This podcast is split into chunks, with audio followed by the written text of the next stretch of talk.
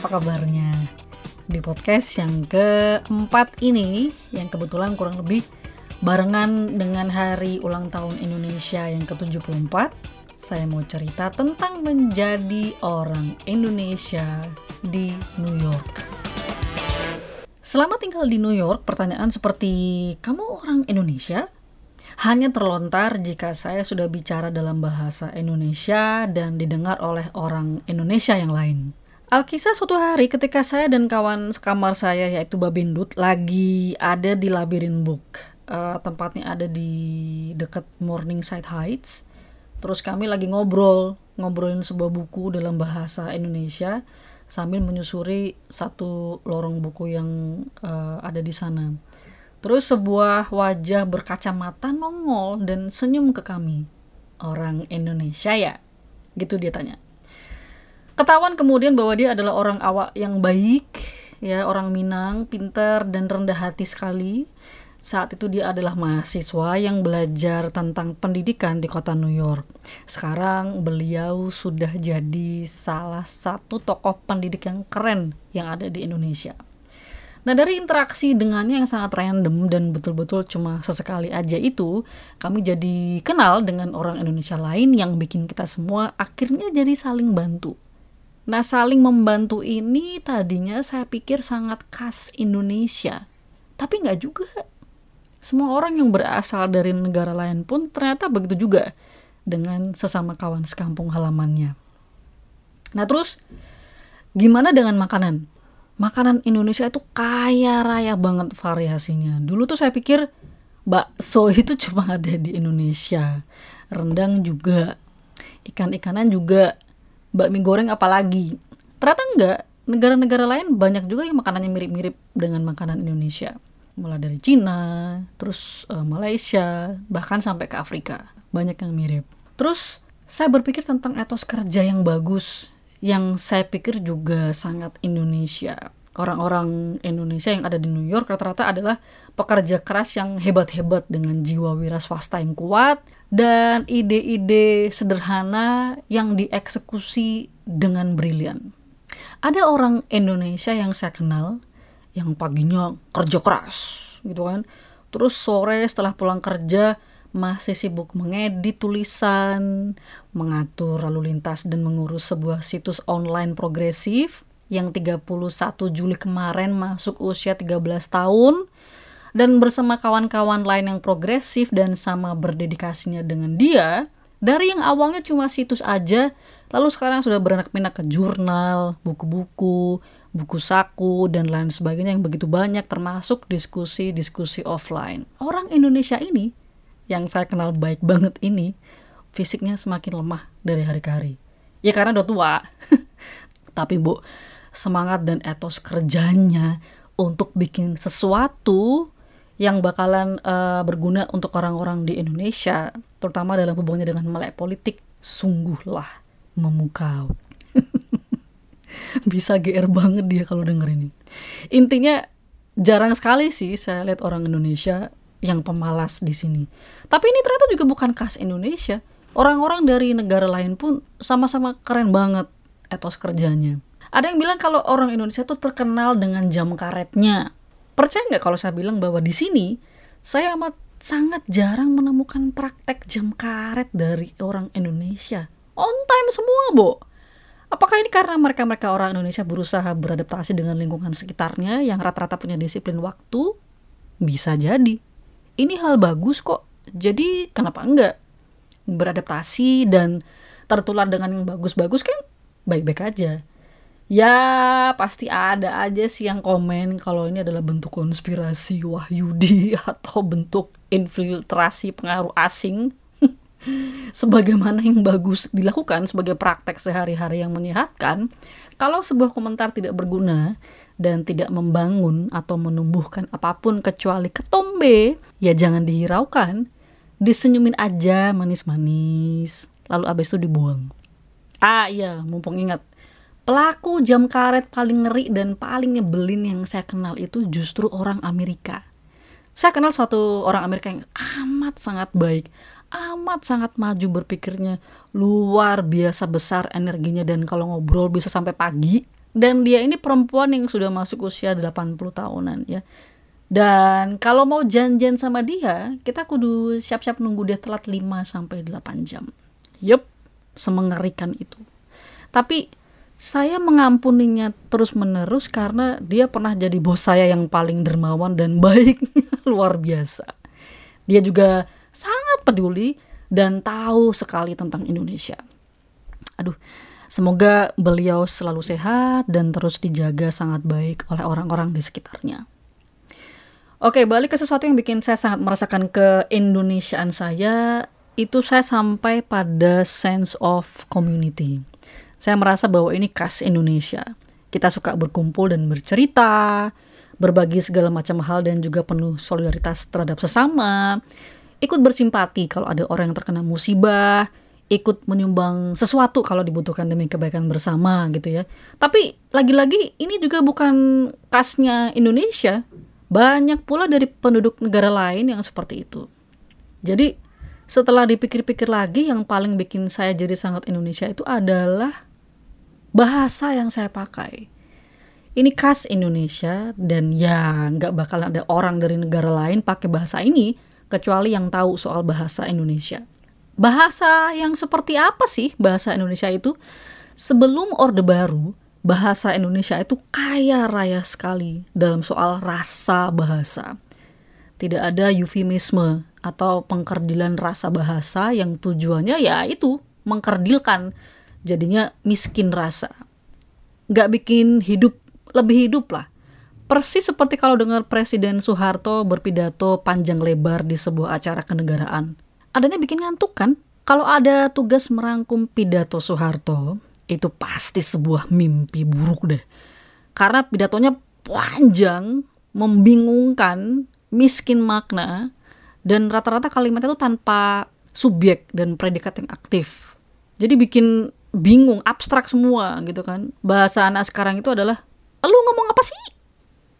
Dan yang paling jelas ketangkap di setiap pidato-pidatonya Presiden Soeharto saat itu adalah oh intinya sih pembangunan berjangka panjang. Nah ini pun tetap abstrak dan gak jelas dan tidak berdefinisi. Jadi masih membingungkan. Itu semua memang sudah didesain seperti itu. Udah deh, Lu ngantuk aja. Kita hipnotis lo dengan kata-kata kosong yang gak ada maknanya. Tapi lo gak akan sadar dong, kan lo sudah kita tidurkan. Nah ini adalah bagian dari politik bahasa nasional lewat ejaan yang disempurnakan atau EYD yang dalam pendapat Ben Anderson adalah cara memisahkan secara tegas apa pun yang ditulis sebelum dan sejak Orde Baru dengan memakai alasan untuk membuka pasar dan kerjasama dengan Malaysia, yang mana sebenarnya salah satu tujuannya adalah agar generasi muda itu tidak melek sejarah.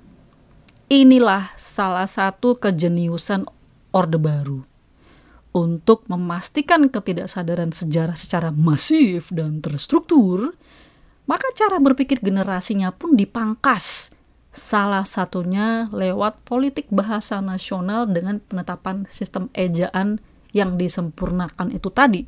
Seperti yang kita tahu, cara berpikir itu sangat erat dengan pemakaian bahasa, karena bahasa kan adalah alat utamanya ya. Kalau sesuatu tidak ada dalam bahasa yang kita pahami, akan sangat susah si sesuatu ini masuk ke dalam pikiran, apalagi dalam pemahaman kita. Sebagai manusia yang lahir dan gede di masa Orde Baru, rasanya tuh yang keki-keki gimana gitu dikadalin lama bener sama si orde militeristik ini. Dan ketika saya menyadari ini komen saya kira-kira begini. Asem tenan kue iki bro! Dan setelah sadar ya lalu saya nggak balik ke ejaan-ejaan lama lah. Cukup sadar aja dan mulai menggunakan bahasa Indonesia pakai ejaan bebas merdeka. Ini istilah saya untuk pemakaian yang sadar dengan rasa bahasa dan kritis terhadap aspek-aspek lain yang mau mengkerdilkannya.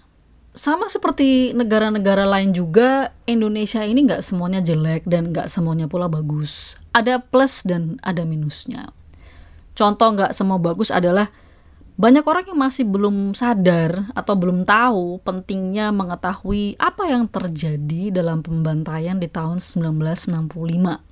Lebih banyak yang akrab dengan sejarah versi brainwash Orde Baru yang dicetak massal dan wajib diingat sebagai tanda sudah belajar bagus dari buku sekolah. Gak cuma itu, semua yang sudah lahir dan gede atau sekolah di tahun 80-an wajib nonton film propagandanya Orde Baru yang diputar dan kudu ditonton di bioskop saat itu. Gak cuma itu, kelar masa pemutaran di bioskop, setiap tahun film ini tayang dan menyapa dengan penuh horor para pemirsa televisi yang saat itu stasiun yang ada pun ya cuma TVRI, TV-nya pemerintah. Bertahun-tahun baca, dan nonton horor seperti ini bikin apa pun yang dianggap horor di buku dan film itu sebagai sebagai apa? Sebagai horor betulan. Saya salah satu yang termakan brainwash Orde Baru ini dan melakukan cuci ulang apa yang sudah ada di kepala itu butuh waktu lama sekali. Saya setuju dengan pendapat bahwa kalau kita tidak belajar dari sejarah, maka sejarah itu bakal terus berulang ibarat penyakit, kita selama ini hanya fokus pada mengobati gejalanya saja. Akar penyakitnya masih bercokol dengan syahdu. Maka setelah kekerasan dan pelanggaran hak asasi manusia di tahun 1965, ada Tanjung Priok di 1984, lalu kerusuhan 1998. Ini contoh-contoh saja peristiwa-peristiwa yang harusnya semua orang Indonesia sudah pelajari dan tahu bahwa ini adalah sebuah bentuk kekerasan dan pelanggaran hak asasi manusia. Kalaupun belum, ya nggak apa-apa. Terus belajar aja dan mulai mencari tahu. Kalau ada yang kemudian bertanya, jadi apa dong sebetulnya akar penyakitnya? Ketahuilah, ini sebuah pertanyaan bagus sekali untuk mengawali perjalanan belajar tentang sejarah negeri ini. Kita bisa mulai baca buku-buku yang bagus dan bermutu, diskusi dengan orang-orang dari semua kalangan yang tahu tentang hal-hal ini, dan kita bisa menggunakan uh, situs-situs online yang sekarang sudah banyak sekali yang bagus, dan mulai kritis menarik kesimpulan dari itu semua. Jangan sampai kita berhenti di gua sih yang penting happy dan harmonis. Jangan bicara yang jelek-jelek. Kamu gak nasionalis. Kamu pengkhianat bangsa. untuk tipe NKRI harga mati kayak begini, saya susah ngobrol banyak karena kayak ketemu tembok aja. Semua yang berusaha disampaikan ke sana pasti mental balik ke saya, ngabisin energi. Jadi ya seperti yang udah saya omongin tadi, ya saya senyumin manis-manis aja, lalu saya buang. Tipe NKRI harga mati begini ini masih ada dan banyak sekali Sayang sekali sih sebenarnya ya karena ini seperti menutup mata akan kesempatan belajar tentang kondisi tanah air di mana kita dilahirkan dan menjadi kritis atas sesuatu hal. Tapi memang saya juga harus menyadari bahwa tidak semua orang ingin tumbuh dan berkembang dalam melihat dinamika hidup. Ada yang sudah merasa sangat aman di alam tempurungnya sehingga hal-hal yang menumbuhkannya akan terasa sebagai sesuatu yang menggelegar dan memporak-porandakan tanah dan air yang dipijaknya. Jadi ya sudah, bertumbuh itu kan tidak bisa dipaksakan, harus atas kemauan sendiri. Nah, saya ingin menutup podcast episode kali ini dengan menggarisbawahi yang bagus-bagus dari Indonesia. Apakah itu? Banyak, banyak banget. Ada kekayaan tradisi yang bisa ditemukan di setiap daerah di Indonesia. Contohnya, batik. Lalu juga aneka macam tari, dan masih banyak lagi yang bisa jadi sumber inspirasi yang tidak ada habisnya, termasuk keindahan bawah laut Indonesia. Kreativitas orang-orang Indonesia dalam mengerjakan atau menciptakan sesuatu pun tuh luar biasa. Itu semua bisa ditemukan di setiap daerah di Indonesia. Jadi, amatlah sangat mengagumkan sebenarnya betapa banyak modal yang kita punya. Berada di New York dan mengingat tentang tanah air di mana saya dilahirkan, saya menyadari bahwa mencintai sesuatu dari jauh itu ternyata bisa lebih bikin waras jiwa raga sih. Dari tempat yang jauh pula melihat sesuatu yang terjadi di negeri yang elok rupawan ini pun bisa jauh lebih jernih. Saya bahagia telah jadi orang Indonesia yang bertumbuh dan berani melihat segala sesuatunya seperti apa adanya. Yang tidak melulu fokus pada apa yang sudah kamu sumbangkan bagi tanah airmu. Yang kesannya seperti minta hal yang heroik-heroik dari penduduk Indonesia. Padahal bayar pajak secara taat dan gak korupsi saja dalam bekerja itu sudah merupakan sumbangan. Mengurus keluarga dan membesarkan anak-anak dengan kebiasaan yang baik dan penuh pertimbangan kepada sekitar pun sudah sumbangan berarti. Dari keluarga yang seperti ini tidak akan ada model warga yang ngotot minta SIM-nya dikembalikan padahal jelas-jelas dia melanggar aturan di jalan. Atau nggak bakalan kita ketemu tetangga yang parkir mobilnya menghalangi mobil kita keluar dari garasi dan dia nggak mau tahu kalau dia salah. Atau nggak bakalan deh kita ketemu tetangga yang dengan pedenya buangin sampahnya ke tempat sampah kita. Dari hal-hal kecil saja, kita bisa menyumbang bagi negara. Tidak harus menginjakkan kaki ke bulan atau mati dulu sebagai pahlawan untuk bisa dianggap memberi sesuatu. Jadi, saya tidak melulu mau mendengarkan pertanyaan apa yang sudah kamu sumbang bagi tanah airmu, tapi juga kembali bertanya, lah kamu sendiri sudah memberi apa ke saya? Saya bersyukur sudah sampai pada taraf menjadi Indonesia yang seperti ini. Untuk 17 Agustus tahun ini, saya ingin mengucapkan selamat terus bertumbuh untuk Indonesia. Semoga semua darimu yang belum beres suatu saat jadi beres, dan semua darimu yang indah akan terus indah. Selamat ulang tahun Indonesia!